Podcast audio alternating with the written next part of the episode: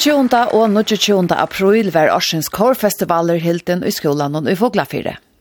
Eit felagskår vi gåen hundral truslo tagaron vante frutjakveld og leia morgon, og sætna parsten var konsert og kapping, her felagskåret omframt seitjan føresk kår framførte fyre kvarin øron, og taimon ahøyraron, og i leita seg ved inn i fimlagar høytlna unnutja skolanon. Fyrsta kåre som tjena paddelen var stora fellagskåre under Leslie av bretska kårleieren Michael Bawtrey, og han hitti jeg av konsertna. So, uh, Michael, tell me a little bit about yourself. Hello, I'm Michael Bawtry. I'm a conductor based in Glasgow in Scotland.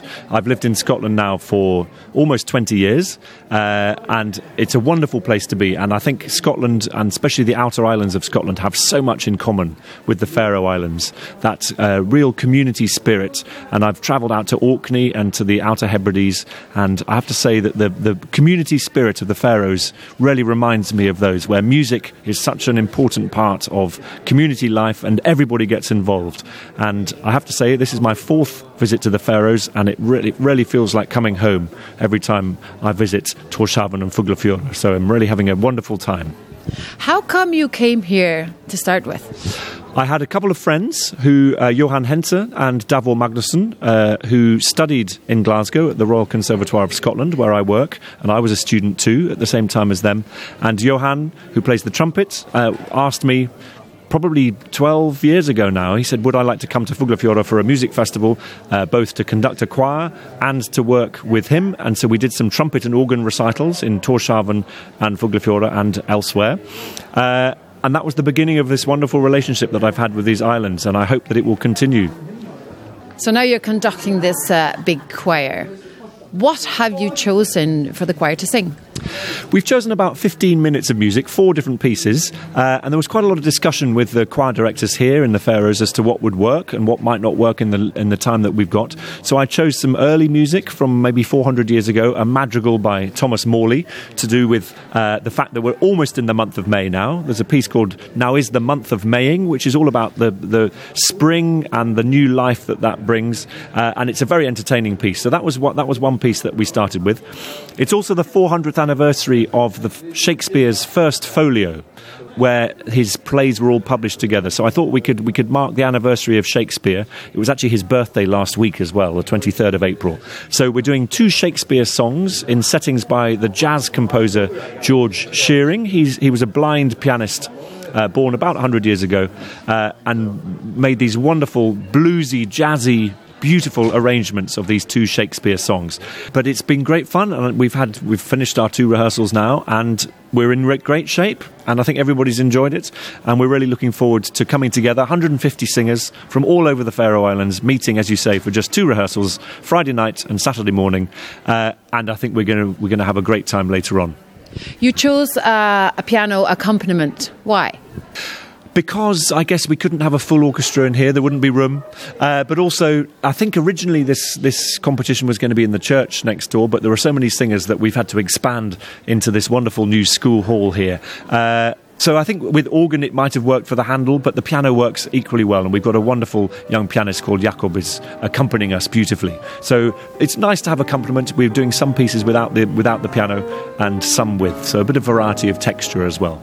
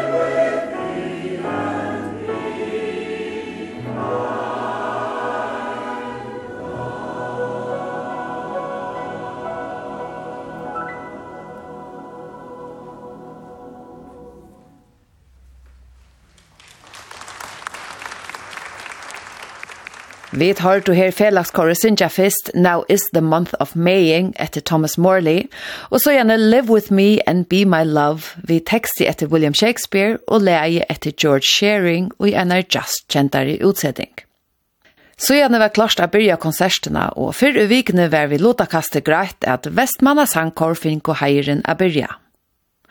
De lødde ut ved sannsyn noen sommerkvöld, som er en iskink etter Reindal, som Kari Beck hever gjørs lær til, og sætne sankren satt heim og være en keltisk bøn omsett til engst. Vi tar at de her synsja fyrra sannsyn sommerkvöld. Ja.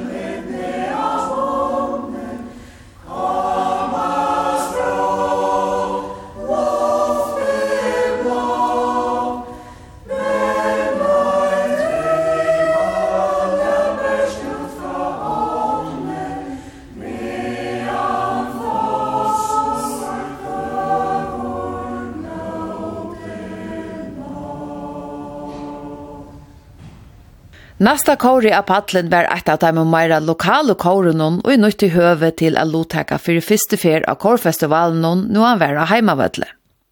Silo av kåre, her under Leslie av Eini av Lærkene, har virka i 35 år etter håndene.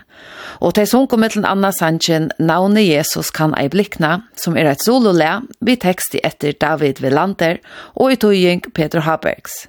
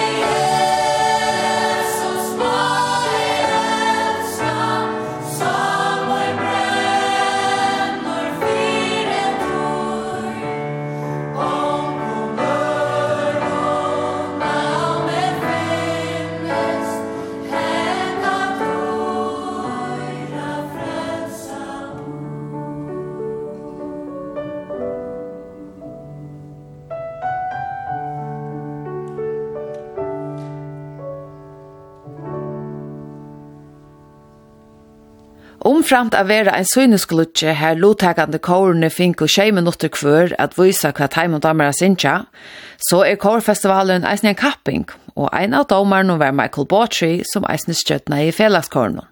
Men hva helt han om oppgavene Aren byrja vær? So directing the, uh, the big choir, that's one part of your job today.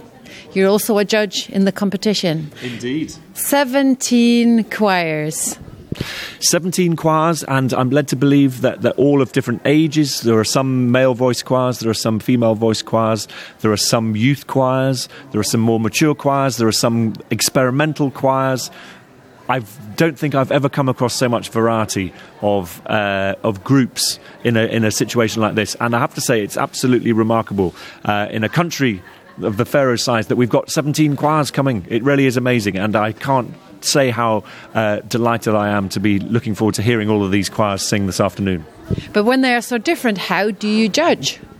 That's a very good question. We've got some categories. There are three judges altogether, and we've got some categories that we'll all be uh, looking at articulation and blend and tuning and ensemble so musical things and then of course we will be taking into account how the performance looks how it feels how the performers engage with the audience and the judges so it's not just purely musical things. There will be will be other other factors. So we have will be scoring, and then it will all be added up and uh, averaged out, and then we'll come out with a result. This is the first time I think that a concert will be in this uh, hall at the school. What do you think about the facilities here?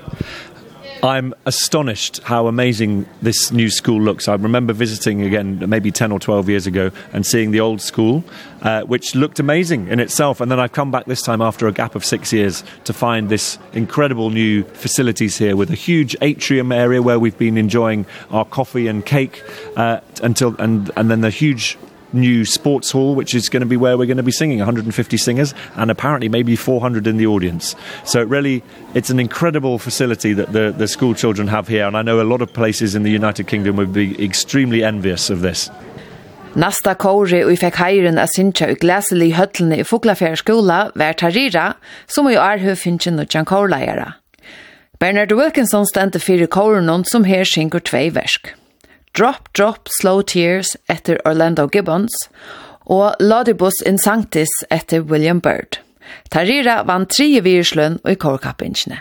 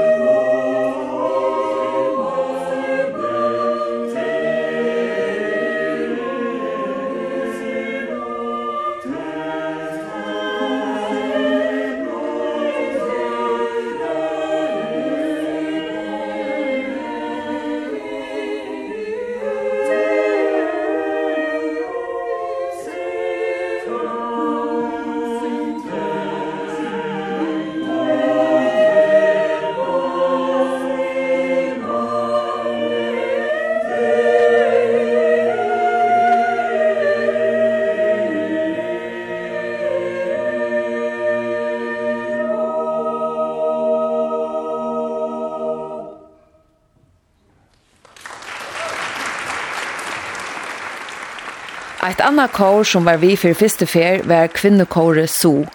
Under Leisle og Steimer Fond høyde der tvei versk av skrånne som begge var skriva i fern og øld. Om er en isching som tuske ischeren Reiner Maria Rilke ischte og amerikanske Morsten Lauritsen utsette for treble kår. Vi høyre her så vi direkte om som av førskånd kan omsettes til så sikst.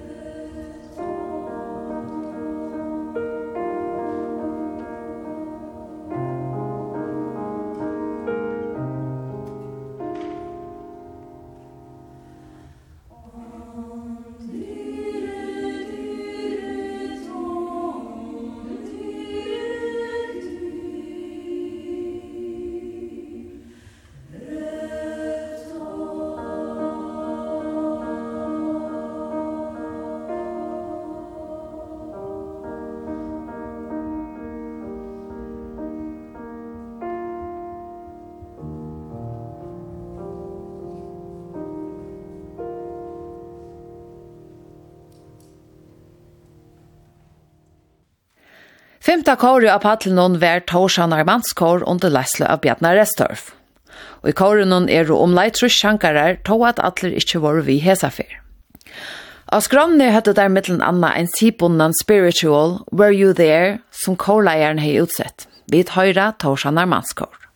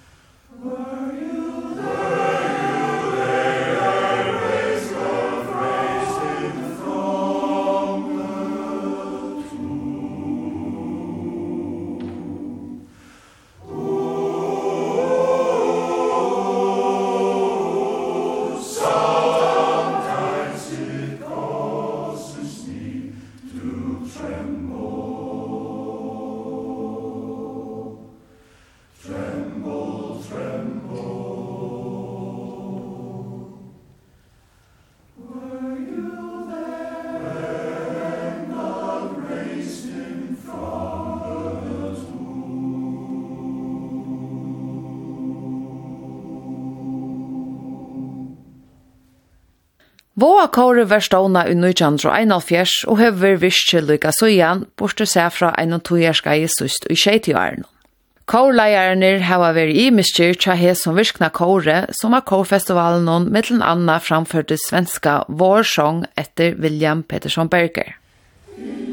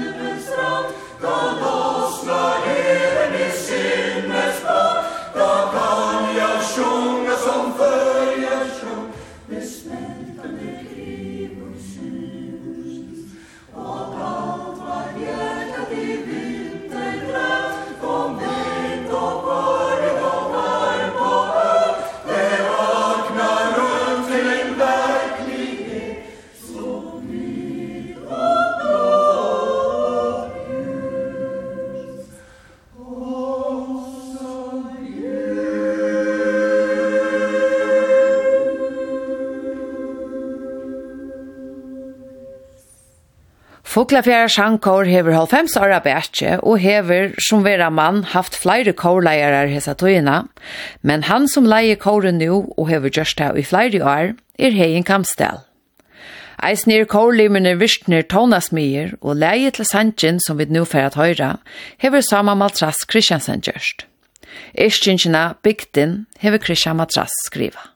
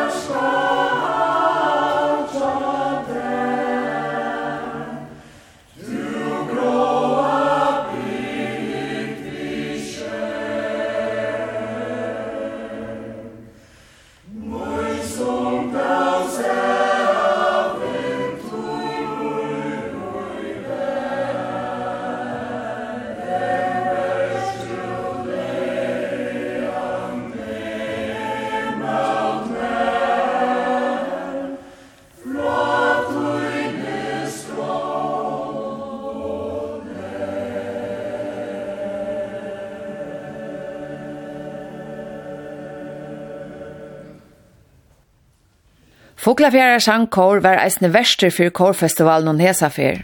Og etter konsertene, ta i festivalgjestene våre farne til Bors, fikk i året av Godny Vank, en av nevndarlimnon i kårnon, og jeg spurte gjerne hvordan festivalen hei Hildnast.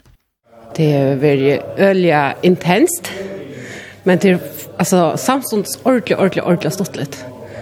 Og man er gongt alle samletøyene, og nekkebølter luftene, og Og det ser ut til at vi har lovt ødlån her til, så tog blir det ordentlig stått til å være vi, og så ikke at det etnast.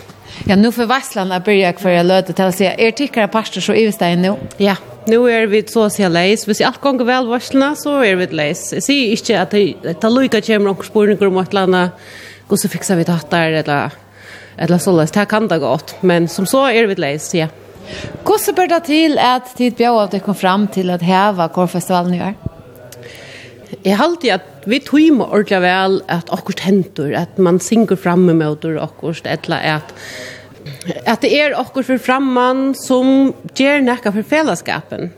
Så det er det som jeg alltid er det stortlige vi har sin kjøkere til den fellesskapen du fast på sjortøy. Og her har vi uh, i forhøver kjøkkenøtlærerne som jeg vil vi lagt en ølestrønd dent og selv om fellesskapen og til hva det er vi til altså, i fjellet. Ja. Yeah. Så det er faktisk det som gjør at vi tog imordelig vel av fyrkjøpet, vi vet at det at at han har først og hver såre tiltak, så er det bare stortligere over det vi ofte fra saker. Atlan var jo, jeg synes jeg skulle i kyrkjene, men så kom og knappt det sånn jeg kår, at hun ble for lytel. Hva er det også man tar? Ja, Alltså jag vill faktiskt säga att jag att vi omhuxar på kyrkorna och vi omhuxar om mättnarhuset. Eh kyrkan är öliga och synjoj. Eh och mätnar hos är i hinar grövne här tungas fall jo här måste inställa jo ja. Kanske inte så nämma synd ju. Men ehm i halt vi blir nog så kött samt om att att ta för sig fungera först i kyrkan ettla och i mätnar hos något helt bäge höll ner för lojtel. Här är simpelt sån här folk och det ska gänga kött för sig och alltså bara kött om vi fink och kvart 20 minuter parst i det så var det konserten allikevel tvær og en halv en time. Så hvis man så at trett tog hei trobløkker vi at eh att få kör i jökn och då och få folk det som vi kunde göra det det var att ta kör för elsen skulle köra den nästa in på ena vägen det kunne vi inte göra i kyrkan eller i mätnar oss. Det är simpelt för trångt till det. Visste det gosse gosse akustikker og anna vær og i høllene i den nødvendige skolen? Nei, Det visste vi det ikke. Vi prøver å fære inn, og er vi bestemmer oss ordentlig. Gjør det og klappa og lød sinter, sjunka lød sinter. og vi dutt og så på nok så kjøtt at det var rymelig at et rom. Eh, og at et rom er faktisk nemmere i arbeid vi enn et som er bare vanlige rakstikker. Så Det har gjort så til at vi sa at det finnes oss slag. Hette her kunne vi så arbeide vi og få sett jo opp så snart det fungerer. Ja. Yeah. Och som sagt så är det här uppgåvan nu. er attemeldingar har det finns inte? Jeg alltid jeg vet hava bæra finnje positive atmeldingar. Öll er øyla vel nøgt. De takka fyrir en vel uh, fyrskiver enn. Tingene har bare kost. Det har ikke vært noe som har kiksa på nekt som helst måte. Så um, bæra gauar atmeldingar her til. Og det virker som om stemninger øyla gauar nere under her i Mettnarosen som vi sitter nå. Eit av nødjaste kåren som tok lot av festivalen og var kvinnokåret Silvitne, som var stående i 2020 og som vann fyrsta plass i kårkappingen i fjør. Leier i kåren som synger tonleik som stavar ur imenskon fjerskotten og London er Cynthia González Parada, og hesa fer underhelt Silvitne vi Soleram, ein on indiskon falkalæ, og Dobola, eit falkalæ ur Sjurafrika. Silvitne vann ærevigirslønn og i kappingene.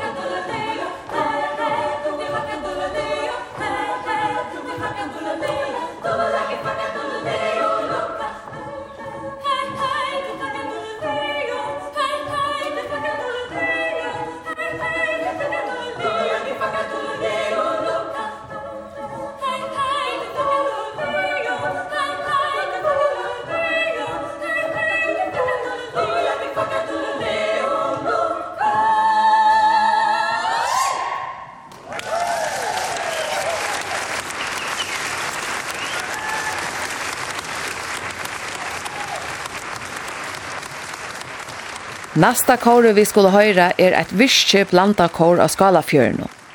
Kåre Kjær Johan hever vært til Sujan i 1905 og er oppkattlet etter Johan Mortensen Sala som antaist for gåen Are Sujan.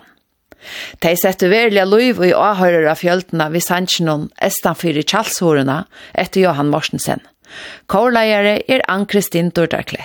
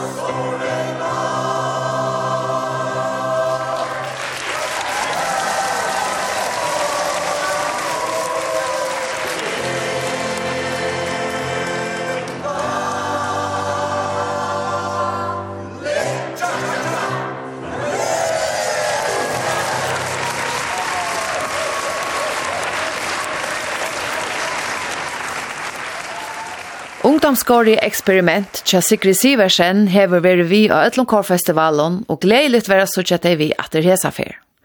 Kåre hever en eikendan stil og hever ofta sunnje bæg i føresk kveie, vyser, sjalter og sanger. Vi færa til at høyra at vi sanger noen True Colors etter Billy Steinberg og Tom Kelly.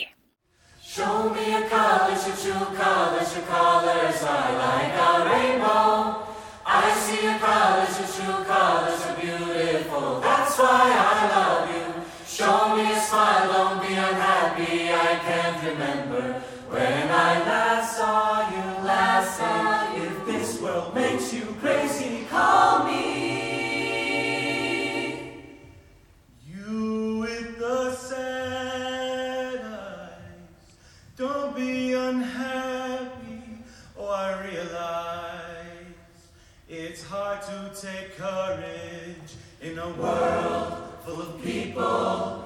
You can lose sight of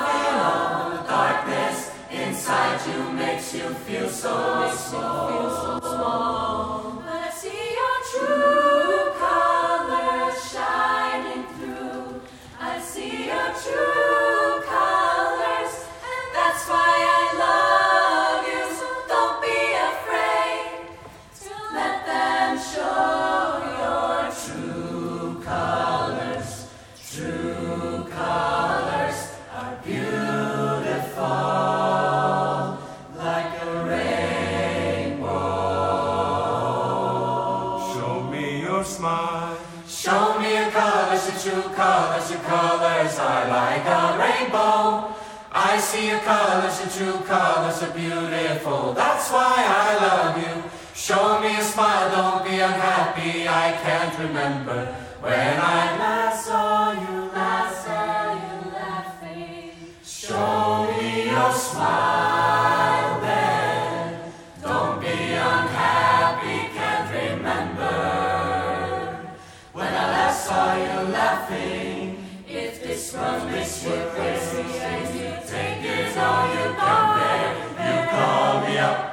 because you know me there and I see your true colors shining through. I see your true colors.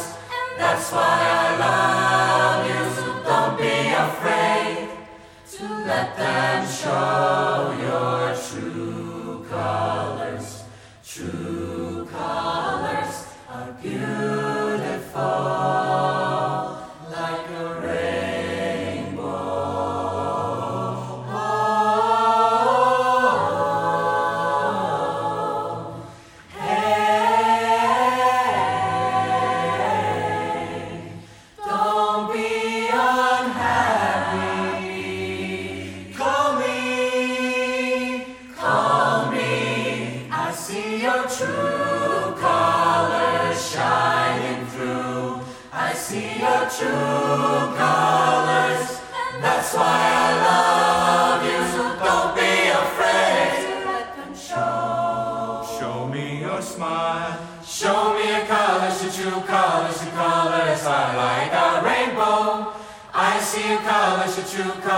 beautiful, that's why I love you.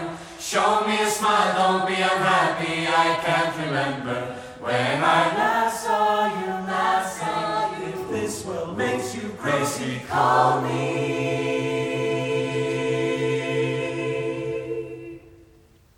Stranda Sankor hever en adrikva søvo som byrjar i 1930 men hever lio utveala rattliga lunch etter håndene. Asbjørn Bertelsen tok i hest sti til at enderstående kåre som tog er vi av kårfestivalen om fyrir fyrste fyr. Og skrånne vær mittelen Anna lært meg gøyma til etter Marsten Johansen her i utsetting tja Asbjørn Bertelsen. Du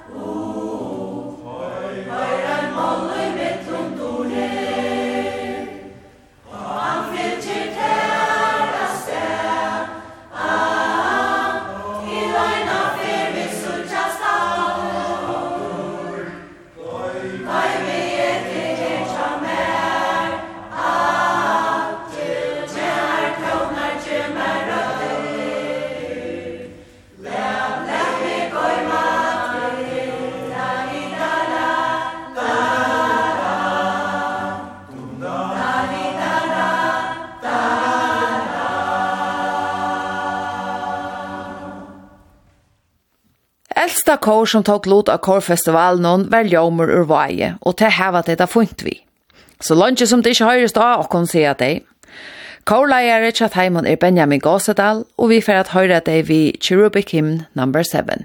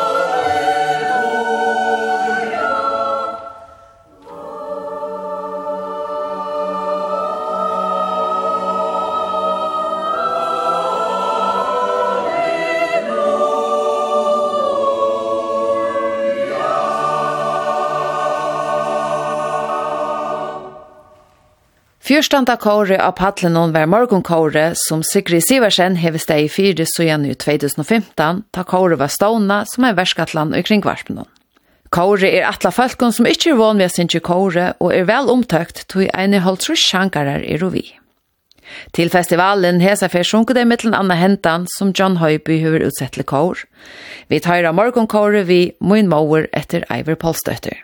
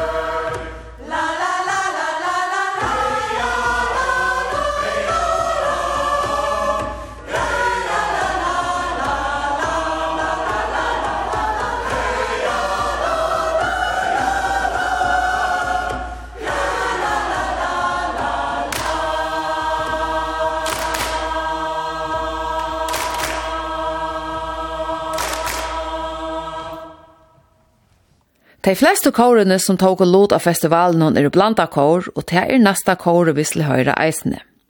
Estan Ljó var stående i 1906 og hever Estre kommune som heimsted. De synsja her diverse våtsi, imiska røtter etter litavska tonaskalte Vitautas Miskinis.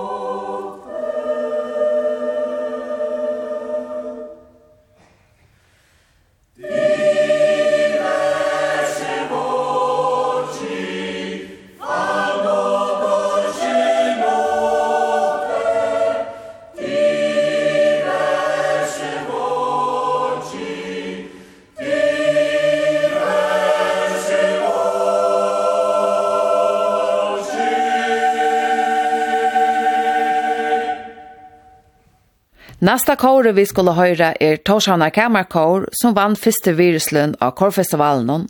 Men är vi komma så länge så färre vi att höra kvart domaren Michael Bartry helt om kårene ta i kappingen var av.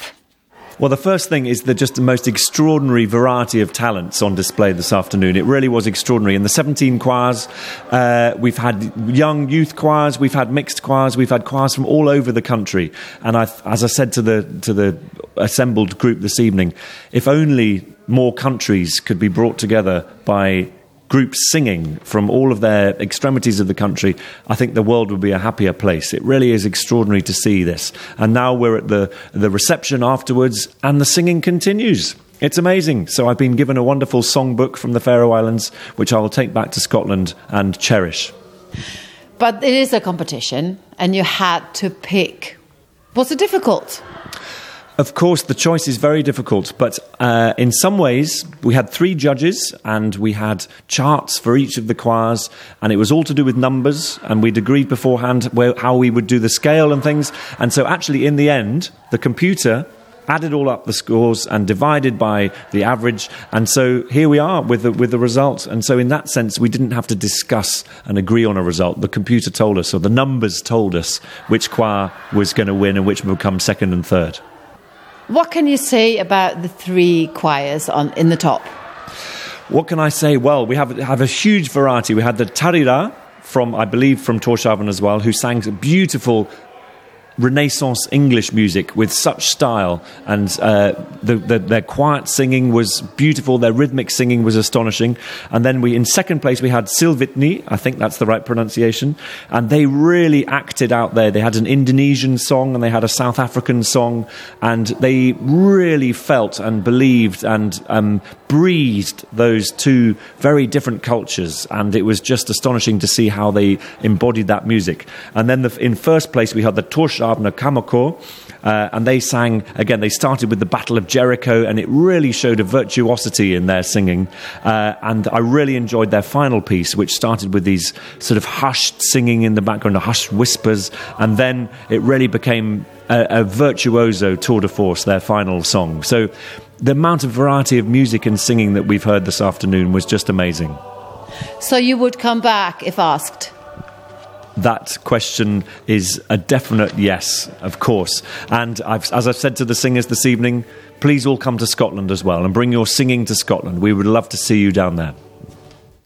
Vi tar nu Torsanar Kamakor sinja The Battle of Jericho, ein sibunden spiritual, og utsetting etter Moses Hogan, og polska Miron Czarnia etter Jakob Neske. Joshua fit the battle, it's the battle of Jericho. Joshua fit the battle, it's the battle of Jericho. Joshua fit the battle of Jericho. The battle Jericho. The battle of Jericho. The battle Joshua fit the battle of Jericho. The battle of Joshua the the battle, the battle of Jericho. Joshua fit the battle, it's the battle of Jericho. Joshua fit the battle. The battle of Jericho.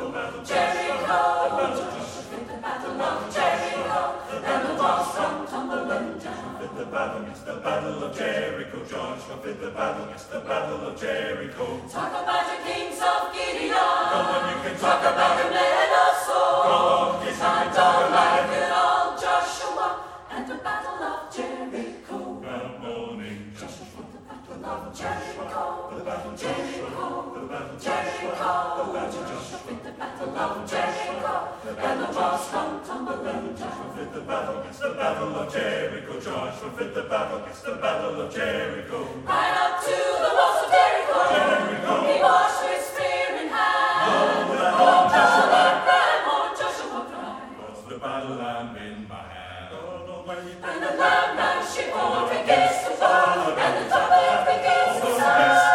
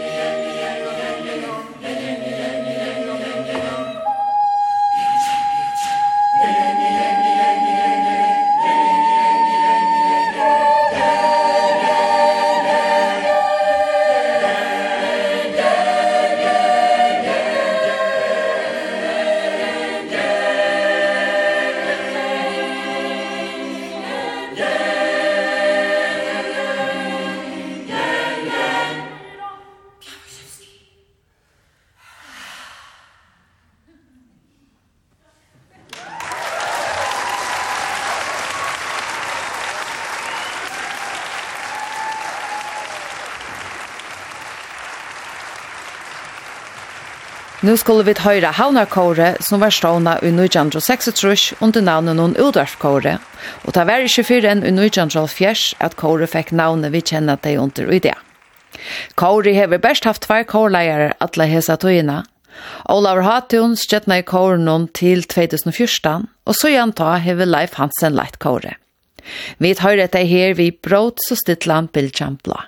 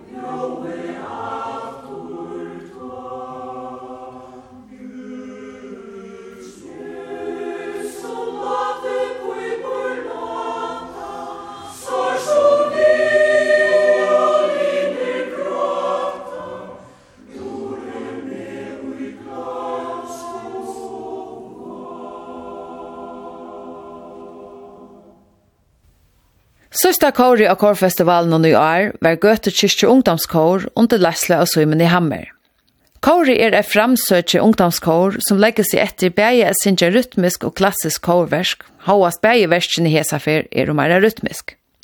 Kåre vann avhøyrer av viruslønna fyrir versene Gloria cum spiritu sancto etter surkoreanska Hyo Won Wo og Ezekiel saw the wheel som er en sibunden spiritual. Oh,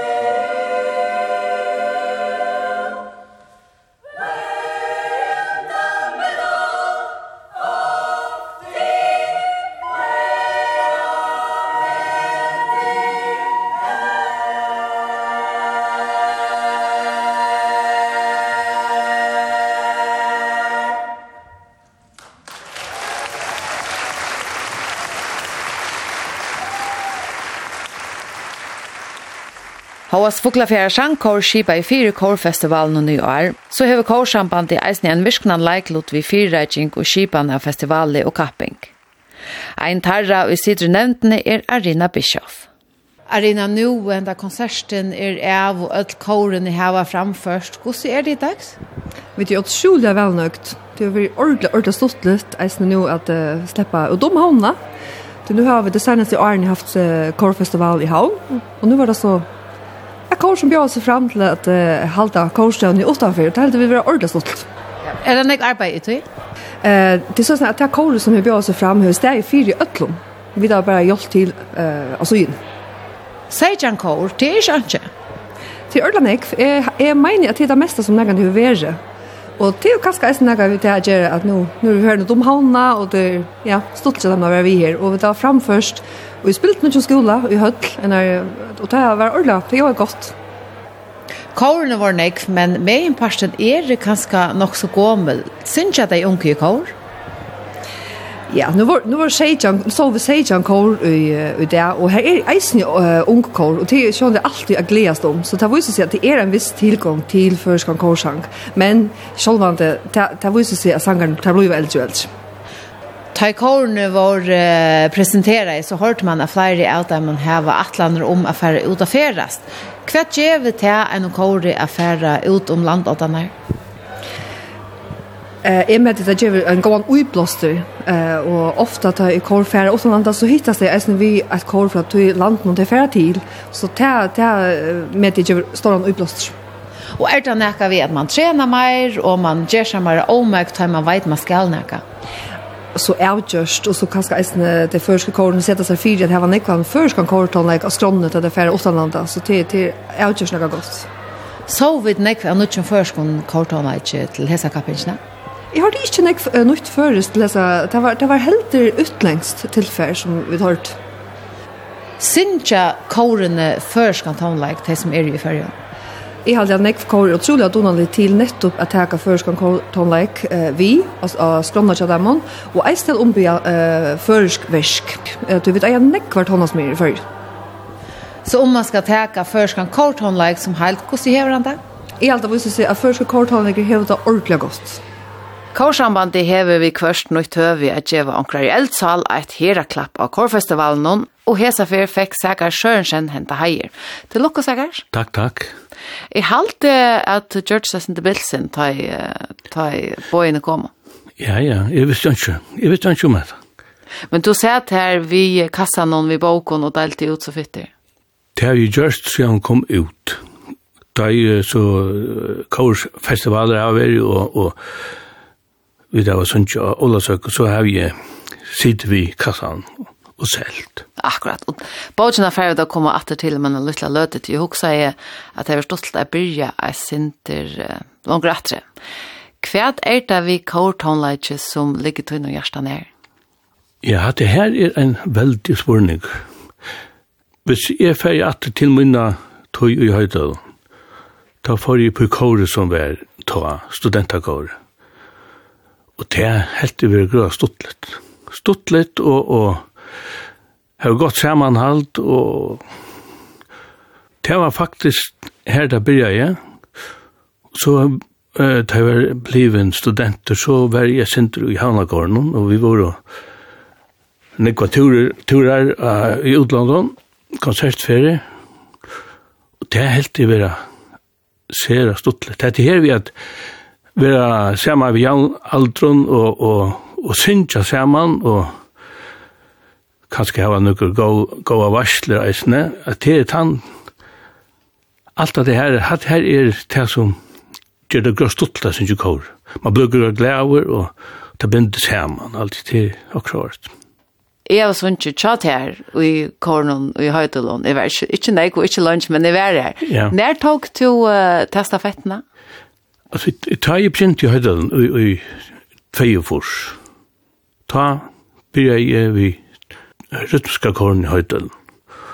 Og ta hei pappa bare min Eion Sørensen. En, altså, han er da studentakåret.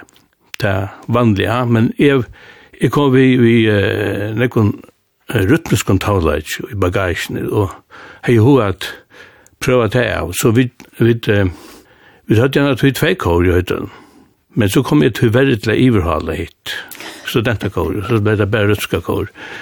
Det var ikke menn, men jeg hadde ikke at egen på babbajan, jeg leisne gøyda. Så, ja, så var det rødska kår i Ødforsene og Alfemsene og opp i 2000 og til 2020 også. Og så er faktisk kår fana, eller, hva sier man, ja, fana. Det er slett ikke sama sus i korsangeten langer. Ikke, ikke i, i høyden var det ikke, og, og slett ikke det glas i alt jeg har inntrykk av.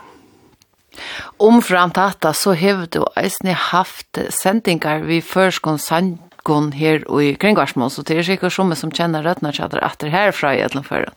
Hva var det for sendingar? Det var uh, sendingar vi førskon, ja, førskånd som Jens Mohr har haft nekvar, og som er så i uttok. Og det var jo sendingar i først og sang og bare speie vanligere fyrir sanger og solmar, og ja, det her er nok at jeg er oss, men, men eh, ikke alltid nok av tilfell her i utarpen. Altså. Det var mangla jeg innspellingar, og jeg stod eisne fire uh, nøkron av, av innspang til nekka sanger som ikkje hadde et føreslega.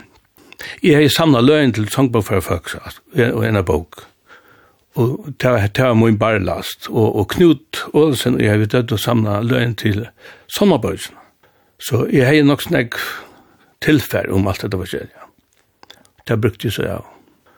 Og jeg har alltid sendingene i, i seks år alltid men det er ikke akkurat årstallet, ja, 2006 til 12 og så. Ja.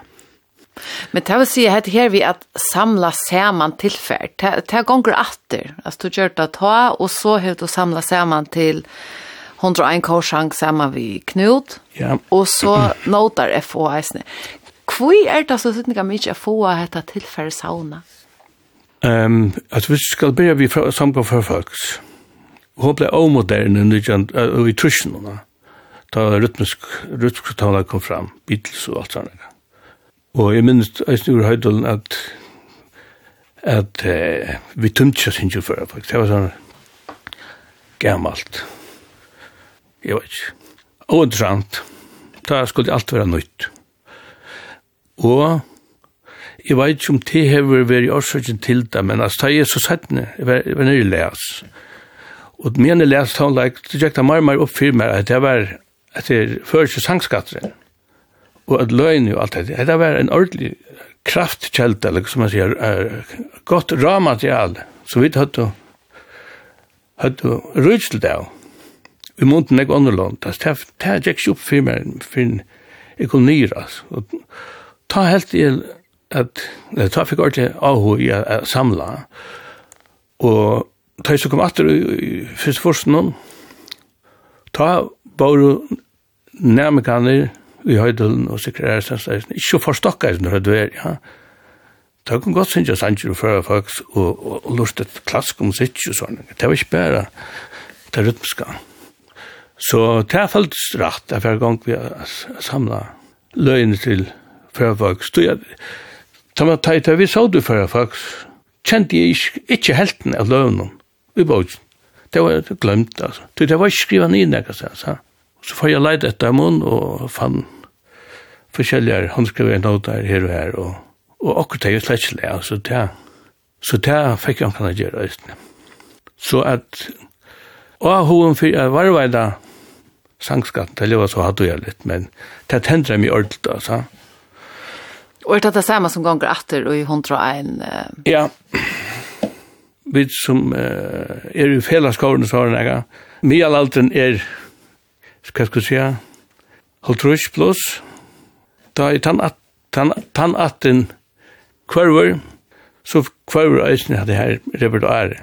Men altså, det er vi en tanke, vet du, eisen at samla det, det lukket som stedfest, det er var, det var akkurat fellesskår tilfær i, i, i 17. og helt og 20. Så, det, altså, jeg halte så notar eller løgene blir kjøtt glemt, hvis ikke jeg skriver nye.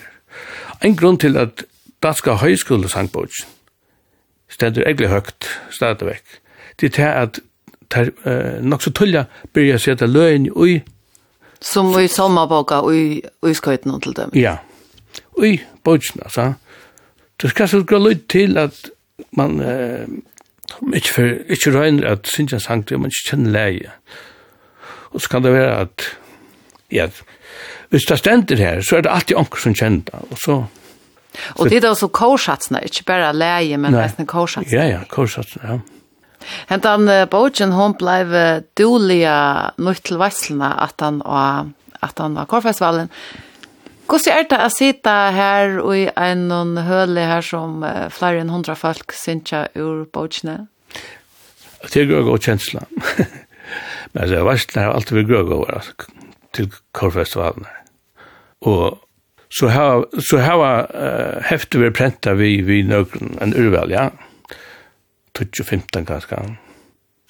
Og til det er så om oftane, og det ble prenta om at om at Og kopien ble verre og verre, og ble skrevare og skrevare av syne. Så et og Knut, vi var samtidig med det, og i dag var vi sammen med alle veien.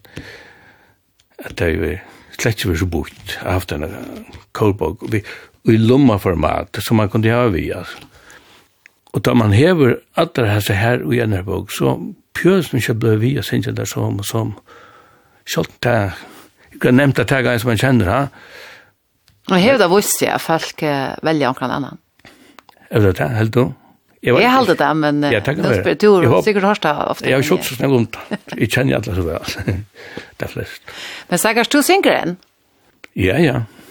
Mest, altså, jeg er ikke uten noen kåre, og jeg har ikke, jeg er ikke, jeg har ikke noen kåre, og synes ikke fast noen kåre, men jeg, jeg stoler på først, her og her og til korfestivaler og, og alle søk, ta, ta jeg vi, det er alt jeg.